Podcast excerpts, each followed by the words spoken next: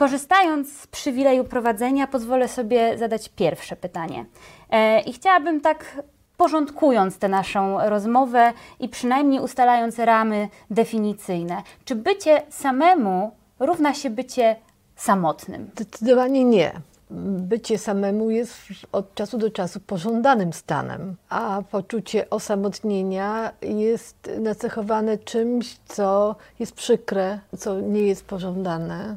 No a z samotności takiej, że chcemy sami pomyśleć, pobyć, pójść na wyprawę, posiedzieć w domu, posłuchać swoich myśli albo coś stworzyć, no jest y, taką przestrzenią tylko dla nas, autonomiczną i potrzebną. To ja zapytam, jakie mogą być konsekwencje tego długotrwałego poczucia osamotnienia? Myślę, że bardzo różne. Od takich, y, że jest nam przykro, że czujemy pustkę, że możemy się czuć odrzuceni, do bardzo takich głębokich zmian czy mm, zaburzeń. Zaburzeń to znaczy, ponieważ ja sobie e, wypisałam z pewnej książki, która poniekąd dotyczy poczucia osamotnienia. E, Susan Pinker w swojej książce Efekt wioski powołuje się na wyniki badań, które wskazały, że na przykład kontakty w twarzą w twarz ratują życie i zanotowano niższy poziom demencji wśród osób, które mają rozbudowane sieci społeczne. Uścisk czy poklepanie po plecach łagodzi fizjologiczną reakcję na stres, co z kolei wspomaga e, układ odpornościowy, a ci, którzy mają rozbudowane i trwałe sieci społeczne, żyją istotnie dłużej niż samotnicy? E, jakoś mnie to nie dziwi. E, w moim doświadczeniu osobistym, w pracy z ludźmi, no jest tak, że mimo takich zmian kulturowych, że trochę cool jest być e, niezależnym i samowystarczalnym i nie potrzebować, to taką normę kulturową odsunie, to sam, osamotnienie powoduje u człowieka dużo, e, dużo, dużo cierpienia, dlatego że jesteśmy istotami stadnymi. Człowiek jest e, jako niemowlę najdłużej zdany na swoich opiekunów z wszystkich ssaków. Najpóźniej osiąga jakby niezależność taką psychofizyczną, że się samodzielnie rusza, nakarmi, a emocjonalnie do takiej niezależności bardzo długo dochodzimy. No i w momencie, kiedy y, izolujemy się, czy, czy życie nam się tak układa, że jesteśmy pozbawieni tych bliskich relacji, więzi, czy jak pani nazwała, sieci, no to nie jest naturalny stan człowieka. Człowiek stworzony jest do relacji, do więzi. Nawet y, już zaczęto w pewnym momencie mówić, że, to, że poczucie więzi z drugim człowiekiem czy z, ze stadem jest y, taką samą potrzebą jak jedynie picie dla człowieka. Hmm. Dla naszego mózgu, naszej psychiki. Wspomniała Pani o tym, e, że to poczucie mm, bliskości e, jest już od okresu niemowlęcego. Natomiast jedna z naszych e, słuchaczek pyta, czy odczuwanie samotności w dzieciństwie może powodować to, że później późniejszym życiu mamy trudności z nawiązywaniem dłuższych relacji z innymi ludźmi.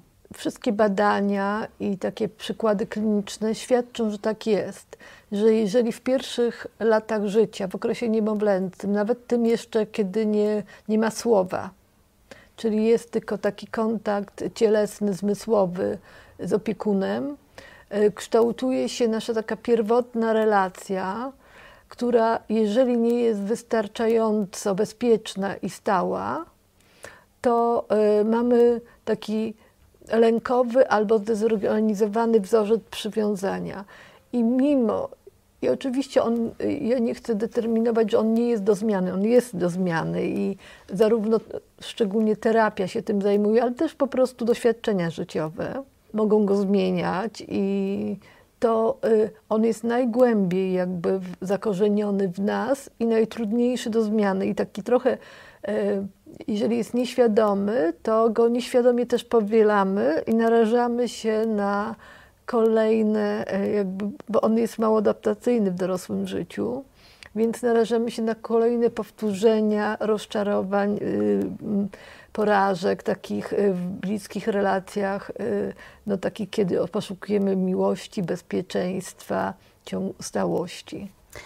Tak, to, to, prawda, że te pierwsze, pierwsze wzorce, jakie mamy z naszymi opiekunami, w dużej mierze kształtują, że one mają wpływ na późniejsze nasze radzenie sobie. Ale powiedziała Pani, że jest to element, nad którym można pracować na przykład w terapii, przede wszystkim w terapii, więc jest to Ale też w życiu. Ale też w życiu. Ale jest... e, mhm.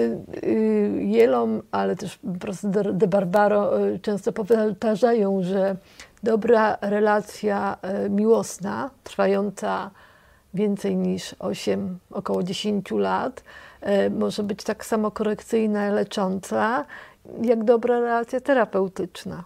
Mówimy o tej samotności, a mogłoby się wydawać, że w dobie komputerów, komunikatorów, social mediów, ten dostęp do innych ludzi, łączność z innymi ludźmi jest łatwiejsza niż była kiedyś.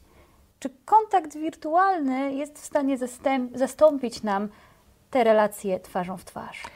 Nie chciałabym umniejszać znaczenia w obecnej y, jakby y, w obecnych czasach taki, takim kontaktom, y, jakie, jakie nam komunikatory w tej chwili dostarczają. One są też ważne. Dzięki nim, nie wiem, robić sobie bliscy, którzy są na, mm, w, w dużych odległościach, mogą siebie widzieć, mogą rozmawiać.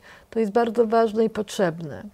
Ale na dłuższą metę, bez przynajmniej jednej, dwóch takich relacji, gdzie, gdzie nie jesteśmy tylko nasz, naszą mm, jakby kontaktem, takim rozmową powiązani, tylko również dotykiem, taką y, niewidzialną i nieświadomą relacją, że, e, że nasze oddechy się wymieniają, że siebie czujemy, że jest dotyk, że jest dotyk, no, w cudzysłowie, o, dotyk oczami, ale taki nie poprzez ekran, e, to e, uruchamia w nas i może neuro, neuropsycholodzy, neurobiolodzy więcej mogli o tym powiedzieć, uruchamia takie, takie substancje, czy to hormony, czy inne y, w naszym organizmie, które powodują, że mamy lepszy dobrostan, że to poczucie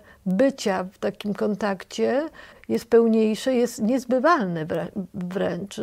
Słowo jest ważne i bardzo ważne, ale bez czułości, bez bliskości takiej fizycznej, to jest nigdy niepełne, zawsze będzie brak. Zapytałam o to, ponieważ e, badania akurat tu na amerykańskiej próbie wskazują, że kiedyś kiedy social mediów jeszcze nie było, e, ludzie utrzymywali kontakt e, bliski średnio z sześcioma osobami. Obecnie, pomimo tysiący, tysięcy znajomych na Facebooku czy na Instagramie, ta ilość bliskich znajomych zmalała średnio do trzech. Ale zastanawia mnie jedno, czy jest możliwe poczucie osamotnienia, nawet w grupie osób, z którymi widzimy się fizycznie, realnie, czy jest to grupa przyjacielska, czy jest to na przykład bliska relacja?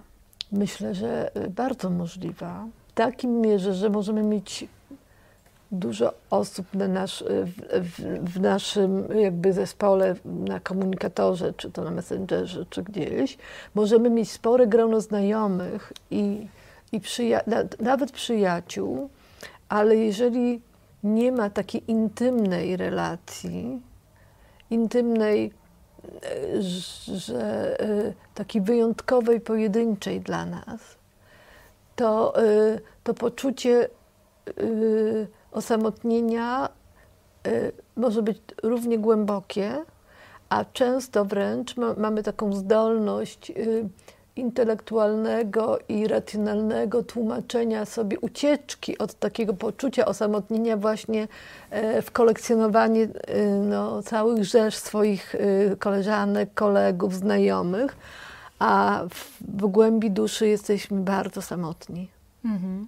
A co z taką myślą, kiedy no, pozostaje w relacji romantycznej, która mogłaby się na pozór wydawać doskonała, ale mam takie przekonanie, że partner już mnie nie rozumie, już mnie nie słucha, nie jestem dla niego ważna, czuję się poniekąd w tej relacji samotna. Czy zdarzają się osoby, które także z takimi zagadnieniami pojawiają się w gabinetach terapeutycznych? To nie tylko w gabinetach, ale też w normalnym życiu wśród znajomych, przyjaciół, ludzi.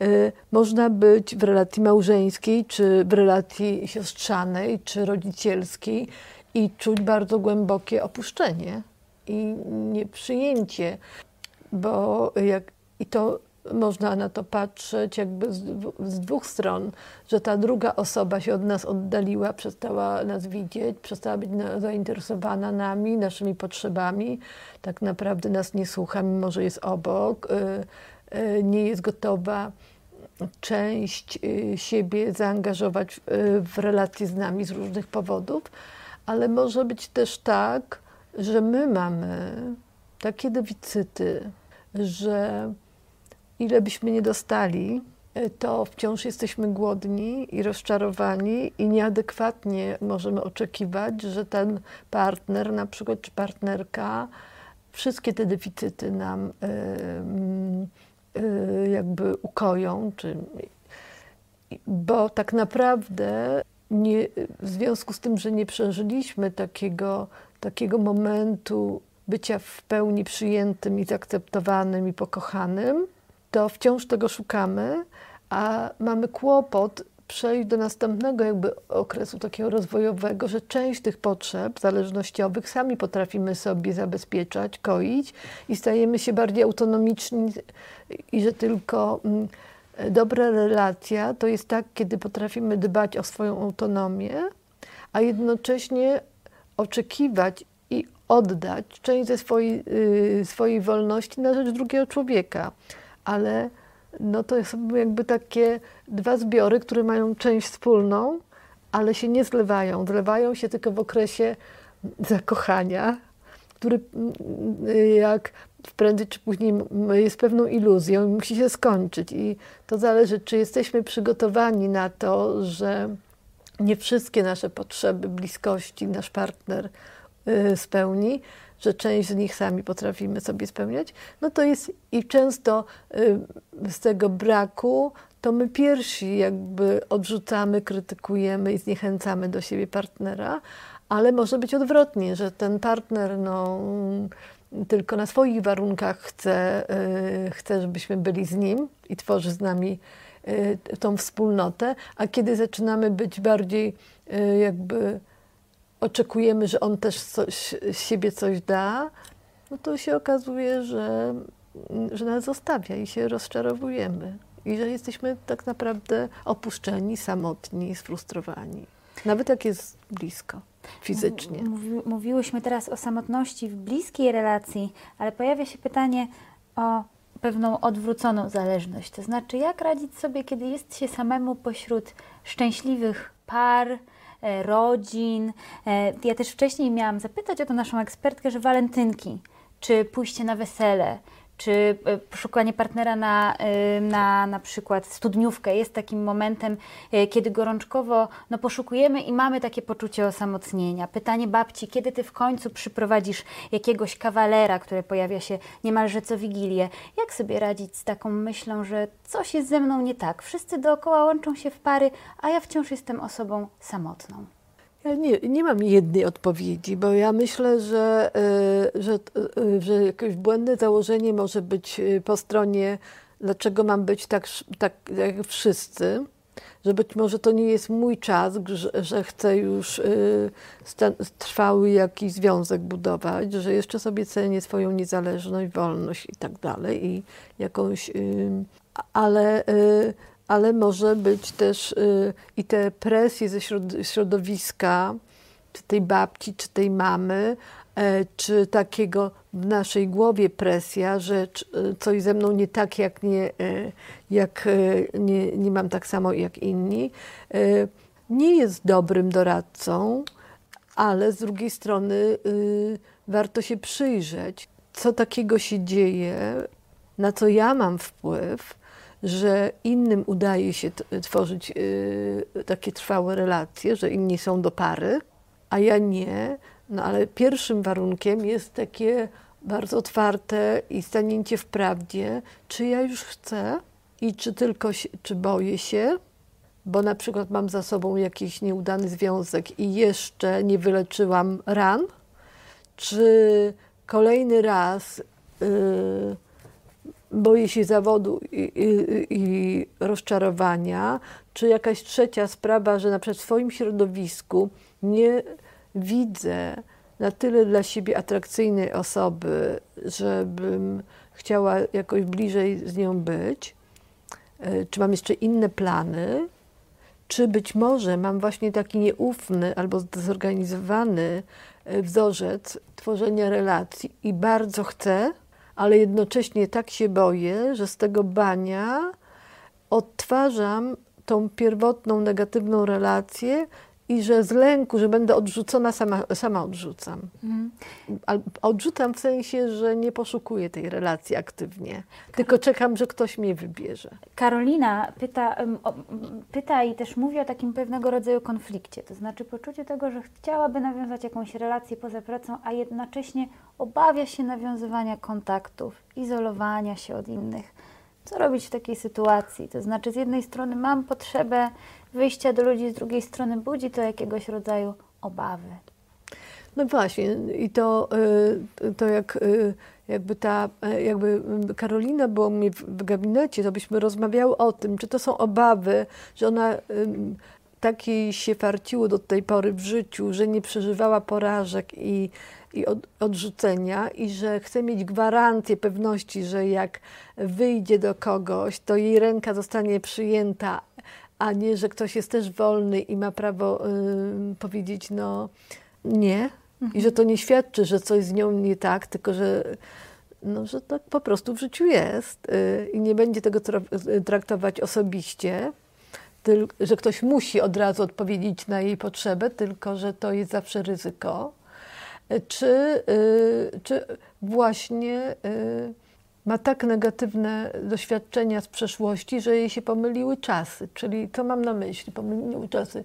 Lęk nasz przed odrzuceniem i takim nieprzyjęciem, niekochaniem może być właśnie z czasu przeszłego. I to bardzo przeszłego, a przeżywamy go jakby w teraźniejszości i jesteśmy tym lękiem sparaliżowani i boimy się eksperymentować, dziecko, jak jest w pełni nie, niezaakceptowane i przy, nieprzyjęte i dobrze niezaopiekowane w tych pierwszych tygodniach, miesiącach życia, to radzi sobie w nieświadomy sposób ten, że, że na nieświadomym e, takim wręcz poziomie ciała i swojego kształtującego się umysłu, żeby nie, nie być w pustce i w takiej dezintegracji, bierze winę na siebie, że to widocznie ja coś nie tak robię, że moja mama czy opiekun y, nie odpowiada adekwatnie na moje potrzeby. To, to służy przetrwaniu. Ale dużo osób w dorosłym życiu, jak spotyka jakieś niepowodzenia, to ma pierwszy odruch, że to ja jestem niewystarczająco atrakcyjna, coś ze mną nie tak, to mnie nikt nie chce i wkręca się w takie myślenie tak naprawdę odcinając sobie szansę, że no może e, osoba A, to ja nie jestem w jej typie, mamy osoba B też nie, ale gdzieś jest osoba e, Z, e, która właśnie mnie szuka. Czyli jest nadzieja i szansa. Tylko no, trzeba mieć tą nadzieję i nadzieję na to, że że uda mi się stworzyć dobry związek, ale też nie mieć takiej nieustającej nadziei, że ktoś mi w taki sam sposób mi zaspokoi wszystkie moje potrzeby i sam do mnie przyjdzie. Taki ten książę na białym koniu i to właśnie będzie on i taki wymarzony, no bo to jest iluzja i pułapka. No dobra, ale powiedzmy, że udało się tego niemalże księcia znaleźć.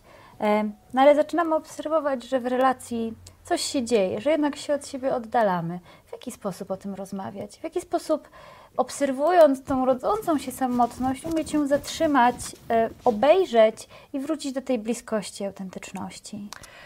W samym Pani pytaniu jest jakby zawarte, że, że zawsze to może, że zawsze to jest, y, że zawsze się coś da zrobić. E, niestety, im bardziej jesteśmy dojrzali, musimy się godzić, że nie na wszystko mamy wpływ że jak jest para, to my mamy gdzieś duży wpływ na to, jak ta relacja się kształtuje, ale też y, nie mamy takiej mocy, żeby chcieć za tą drugą stronę. Na przykład, żeby nasz partner chciał o tym rozmawiać, żeby chciał to przyjąć, że na przykład mówimy, że oddalamy, że czujemy się osamotnieni. I do tego zachęcam, żeby przynajmniej raz spróbować, raz, drugi, trzeci, bo czasami jest za tym uraza, której sobie nie zdajemy sprawy, że ten ktoś ma jakiś żal, urazę do nas i dlatego się y, y, wycofuje, bo zrobiliśmy coś, co go zabolało i warto o tym rozmawiać, ale czasami jest tak, y, że my chcemy o tym rozmawiać, chcemy znać przyczynę, chcemy wiedzieć, co myśmy zrobili nie tak albo co można naprawić a ta osoba już nie ma takich chęci, tylko na przykład nie ma odwagi nam powiedzieć, że już, już się od nas oddaliła. Już gdzieś zaangażowała się w siebie, na przykład narcystycznie, e, bo nie spełniliśmy ich wszystkich, jest na tyle niedojrzała, że, że narcystycznie mamy być idealni i spełniać wszystkie tej osoby potrzeby, a to jest nierealne i nie umie tego przeżyć i wtedy się mm, wycofuje, e, bo nas używa tak przedmiotowo, albo, no, albo, albo po prostu no już y, jest zaangażowany w coś, w kogoś innego, a nie ma odwagi się skonfrontować z nami. Zadam jeszcze pytanie, które pojawia się już kilka razy na naszym forum. Pytanie jest y, tutaj w, formie oryginalnej. Ile czasu E, trzeba odczuwać tę samotność, żeby to zaczęło być jakieś zagrażające, niebezpieczne dla nas. A ja się zastanawiam, czy w ogóle istnieje jakiegoś rodzaju limit czasu, który by wskazywał na to, że no teraz to już za długo, teraz to pora działać. Myślę, że to jest indywidualna sprawa, y, ale no, jeżeli permanentna y, samotność na pewno prowadzi do depresji. Y, do, y, do obniżenia naszego poczucia własnej wartości, do utraty wpływu. Jeżeli z jednej strony chcemy, dążymy do, do bliskości i relacji, a jesteśmy y, nieskuteczni w tym, no to nasze poczucie wpływu się obniża, a nic tak człowieka nie, nie niszczy, jak utrata poczucia wpływu. Więc zawsze mamy chociażby taki wpływ, żeby pójść do y, psychologa, czy psychiatry, czy przyjaciółki przynajmniej, czy do jakiegoś mądrego człowieka i poprzyglądać się sobie, co się takiego dzieje, że, że doskwiera mi taki stan. I jeżeli jestem samotna przez tydzień i już nie mogę wytrzymać, no to bardziej bym się zastanawiała, że trochę jakbym jeszcze nie osiągnęła swojej autonomii, że jeszcze potrafię sama o siebie się troszczyć i nie mieć takiego dyskomfortu. Że jest jakaś dziecięca panika we mnie, że sama to nie przeżyję. Mhm. Czyli taka nadmierna zależność od bycia razem. No ale jeżeli jestem pół roku, kilka miesięcy, bardzo tęsknię za bliskością, a mi się to z różnych powodów nie udaje czuć się z kimś blisko, to albo brakuje mi jakichś narzędzi, albo jakieś, robię jakiś błąd i warto się temu przyjrzeć. Bo ludzi samotnych i, i, jakby tęskniących za bliskością, myślę, że jest bardzo dużo, tylko nie potrafią się spotkać. Ja rozumiem, że ta samotność związana jest z pewnymi myślami automatycznymi, negatywnymi tak. przekonaniami na temat nas samych. No tak. i skoro mam takie przekonanie o sobie, że jestem beznadziejna, to jak mam oczekiwać, że inni zauważą we mnie coś, czego sama nie widzę? Ale jeżeli już dojdzie do mnie ta myśl, że jestem samotna i że jeżeli dalej w tej samotności będę trwała, to będę odczuwać bardzo duże tego i zobaczę gdzieś jakieś światło w tunelu, chciałabym radzić sobie z tą samotnością. Jak można nawet przyjacielsko wesprzeć taką osobę? Co można takiej osobie zaoferować, aby zobaczyła, y, że z tej samotności również jest wyjście? Ja myślę, że już nie jest źle, jak otwarcie możemy o tej samotności mówić. Z przyjaciółką, z psychologiem, z kimkolwiek, y, z mentorem, że samo otwarcie i jawne się przyznanie, że samotność mi doskwiera, a nie udawanie, bo to jest y, wstydliwe, że mnie to boli, jest pułapką, jest zasklepianie się w tej samotności. Udawanie, że ja nie szukam partnera, nie mówienie o tym, robi mi czasami wrażenie, i ja się spotykam z takim, że otoczenie myśli, że nam jest tak dobrze i my nikogo nie chcemy. Mhm. Że to my nie potrzebujemy tej bliskości, więc przyjm... I ale pani mówiła o takim wzorcu, że bierzemy jakby na siebie, że to coś, że mamy te negatywne myśli na swój, taki wzorzec na swój temat. No to jakby zanim ktoś nas odrzuci, już się sami odrzucamy, więc warto zmienić wektor tego, że daj sobie szansę nawet, już nic gorszego cię nie spotka. Jak i tak myślisz, że jesteś tak beznadziejna, że wszyscy cię odrzucą, no to, y, to daj y, w życiu ten los szansę, że no dobra, potwierdzi to, albo się okazuje zupełnie inaczej, tylko wyjdź do ludzi wyjść do ludzi. Powiedziała Pani e, o tym, że. I koleżanka może, to, to, przyjaciele mogą wyciągać taką osobę, nie zostawiać, nie, nie wierzyć, Ania mi się nie chce, a mi, a, że podawać tą pomocne te koła ratunkowe, ale dobra, chodź jednak z nami.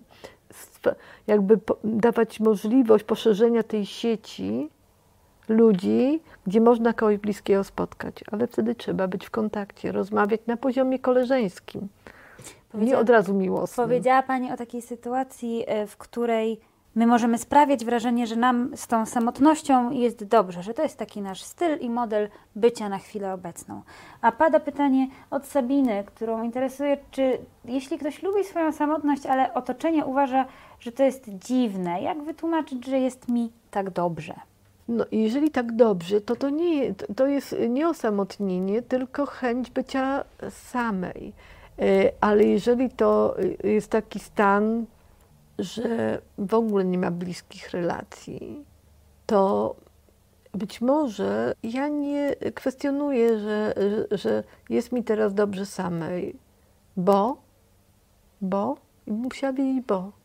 Czyli jakie są powody? Bo na przykład gdzieś w głowie pani mówi, mamy takie albo negatywne myślenie o sobie, stereotyp jakiś, taki, y, taki przekaz, albo że świat jest groźny, ludzie nam nie mają nic dobrego do dania, mamy taki uwewnętrzniony wzorzec i jeżeli, i że tak naprawdę moim doświadczeniem dotychczasowym, że jak jestem sama, to jest mi lepiej, no i to też są błędne przekonania wyniesione z przeszłości, że by, być może to jest prawda że osiągnęłam swoją samotność yy, i ona jest mniejszym złem, jest lepsza niż bycie w dotychczasowych związkach czy relacjach. I to jest taki przykład, y, nie wiem, człowieka, który był w relacji na przykład z przemocowym partnerem i wyzwolenie się od tego przemocowego partnera jest nareszcie kocham swoją samotność, nareszcie mogę oddychać, nareszcie mogę czuć to, co czuję, myśleć to, co myślę, jest mi lepiej i jestem na etapie, że na razie nie wpuszczę nikogo blisko siebie, żeby mi tego nie zabrał, po tym, jak się tak sparzyłam. I takie same doświadczenie mogą mieć ludzie, którzy mieli opresyjnych rodziców na przykład. Że nareszcie jak się wykuli na niepodległość, bo poszli na studia, mają swoją niezależność finansową, nareszcie są wolni i bezpieczni. I wtedy bardzo długo sobie cenią tą samotność. I ta samotność jest dla nich, czyli nie wchodzenie w trwałe związki, wydaje im się, że jest dla nich lepsza niż, niż trwała stała relacja. I okresowo tak może być. Ale prędzej czy później moje doświadczenie w pracy z ludźmi pokazuje, y, że takie lata kiedy jesteśmy młodzi, kiedy mamy dużo zaangażowania znajomych, imprez, pracy, rozwoju i tak to wszystko tą pustkę wypełnia. Ale tak jak Pani mówiła o tych badaniach o ludziach starych, czy kiedy już przyjaciele właśnie, te walentynki, wszyscy mają pary, albo jest ten sylwester, wszyscy mają z kim iść i wtedy dopada nas, tak, że jednak mi brakuje tego partnera ta samotność, albo że ktoś na starość nie ma z kim pogadać, y, nie ma y, obecności w tym samej przestrzeni tej drugiej osoby, a boję się już śmierci i boję się tego, żeby, y, żeby był ktoś koło mnie, że z kimś muszę rozmawiać, z kim ktoś musi mi pomóc, że ja chcę komuś pomóc, że to jest niezbędne. Poniekąd już o tym wspominałyśmy, ale znowu pojawia się pytanie, czy człowiek może na takim poziomie podświadomym wybrać samotność z lęku przed odrzuceniem. Bardzo dużo osób tak, yy, tak, yy, tak, yy, tak, tak robi właśnie. Ale... Że bardziej mhm. się boi niż chce. Mhm. Bo chciałabym, ale boję się. W momencie, w którym strach jest większy niż nawet ta potrzeba tak. zbliżenia się. I nawet to są takie wzorce, że na przykład ludzie wchodzą w związki, mają taką intymną, miłosną relację z kimś, ale na przykład kiedy słyszą słowo ślub, czyli już takie więzi, zobowiązanie, to ten lęk przed takim y, jakby y, niezdrową zależnością toksyczną powoduje w przeszłości, że uciekają, że się wycofują. Mhm.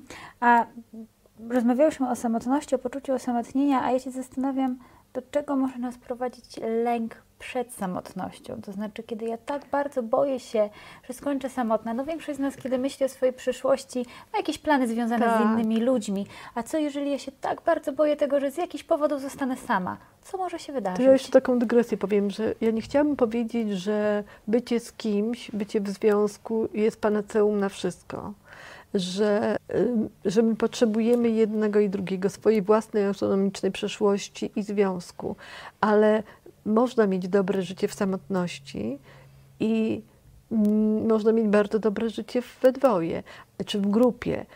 E, ale to, to jak pani mówi, że jeżeli ktoś obsesyjnie boi się na chwilę zostać sam i musi z kimś no więc wybiera ten na oślep.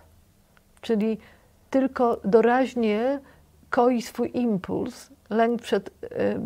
i wchodzi w relacje przygodne, wchodzi w relacje, które nie zawsze mu służą. Y, jakby jest, wtedy mówimy często, że jest nadmiernie zależny od relacji. Nie ma zdolności do samostanowienia o sobie. I to, dlatego to są takie trudne y, tematy, bo, bo te niuanse, no ale to jest, że jak ktoś doświadcza paniki, że chwilę y, przez jakiś okres życiu ma być sam, no to no to wtedy się wdaje w przygodny seks, przygodne relacje, no bo nie, nie jest w stanie wytrzymać z napięcia, kiedy jest sam. Dorota pyta... Nawet sam, a nie samotny jeszcze. Mhm. Dorota pyta o to, co zrobić, kiedy samotność jest codziennością i nie ma się tej odwagi wyjść do ludzi. Co by Pani poleciła jako ten pierwszy krok? Poleciłabym, żeby y, jakoś E, dostać wsparcie przyjaciół, żeby ten pierwszy krok zrobić, a jak ich brakuje, to pójść na terapię i nabrać odwagi. Dorota już obejrzała webinar, więc myślę, że taki pierwszy półkrok do tego, e, żeby działać. Albo na przykład mówić o swojej samotności chciałabym, ale nie mam odwagi. Wtedy jak ktoś słyszy taki jasny komunikat, czuję się samotna, chciałabym wyjść, ale nie mam odwagi, jak to jest zakomunikowane, jest większa szansa, że ktoś w tym świecie to usłyszy i nam pomoże. Jeżeli to tylko dusimy w sobie i przeżywamy, no to odbieramy sobie szansę dostania tej pomocnej, y, że ktoś do nas przyjdzie. Bartek pyta o to, że mm, jak pogodzić, jak poszukać takiej równowagi pomiędzy wchodzeniem w nowe relacje, poszukiwaniem tego nowego kontaktu, a zachowaniem swojego ja. To znaczy, jak nie wpaść w taką pułapkę spełniania oczekiwań? No właśnie, ja myślę, że osoba y, y, y, w okresie zakochania jesteśmy gotowi, nie wiem, patrzeć na świat tymi samymi oczami, wydaje nam się, że jesteśmy jednością, że wszystko gra i tak dalej. No ale jak mówiłam, Później może tak być, że z lęku przed utrat, przed rozstaniem zaczynamy, w, zaczynamy spełniać mm, potrzeby drugiej osoby, lekceważąc swoje granice i swoje potrzeby, nie słuchając siebie, nie szanując swoich potrzeb. No i wtedy jakby ustawiamy tą relację, że ja jestem dla kogoś, a ja jestem nieważny no i to jest ta pułapka. I jak z tego wyjść, to jak się zaczyna to dziać, to wyraźnie stawiać granice, że ja też jestem ważny, że nie wiem, ty chcesz jechać w górę, ja chcę nad morze, więc musimy znaleźć jakiś kompromis, bo nie może być wszystko na twoich warunkach, mimo że cię kocham, czy chcę z tobą być. I umieć odejść, kiedy ta druga strona jest tak egocentryczna albo tak potrzebująca nadmiarowo, że nie potrafi nic dać, tylko chce dostawać i to stawia jako taki warunek bycia razem, e, albo się przyjrzeć, że być może ta, ta osoba zniosłaby tą frustrację, że nie, nie zawsze spełniam ją, y, jej potrzeby i nawet może zaczęłaby nas bardziej szanować, ale nasze wczesno-dziecięce doświadczenia znowuż nas straszą, że jak nie, nie będę na warunkach blisko tej osoby, na której mi zależy, to, y, no to będzie jeszcze gorzej, czyli nie będę mieć relacji. I ten stary wzorzec, który jest wdrukowany w naszą psychikę, zaczyna nam podpowiadać, że mamy za dużo wytrzymywać. Powoli zbliżając się do końca naszego dzisiejszego webinaru, e, myślę sobie o tym, że mimo, że wirtualnie, cieszę się, że byliśmy tutaj dzisiaj wszyscy razem. Dziękuję Pani bardzo. My nie wirtualnie. My nie wirtualnie, my razem możemy uścisnąć się serdecznie. E, dziękuję Państwu bardzo serdecznie. Dziękuję przede wszystkim naszej e, ekspertce za wyczerpujące, pełne, piękne odpowiedzi. Proszę Państwa, e, mówmy o tym, co czujemy, nawet jeśli jest to samotność. Dziękuję I zachęcam Państwu. do przełamywania właśnie, robienia kroków ku temu, żeby przekroczyć tą samotność, nie czekać, że ktoś do nas przyjdzie. Dziękuję Pani bardzo serdecznie. Dziękuję Państwu i przypominam, e, że Zapis tego webinaru będzie dostępny e, na kanale na YouTubie Strefy Psyche Uniwersytetu SWPS. Znajdziecie tam także e, odnośniki do podcastów i do strony i mam nadzieję do zobaczenia za miesiąc. Śledźcie stronę, dowiadujcie się o kolejnych webinarach. Widzimy się niebawem. Dziękuję serdecznie. Do widzenia.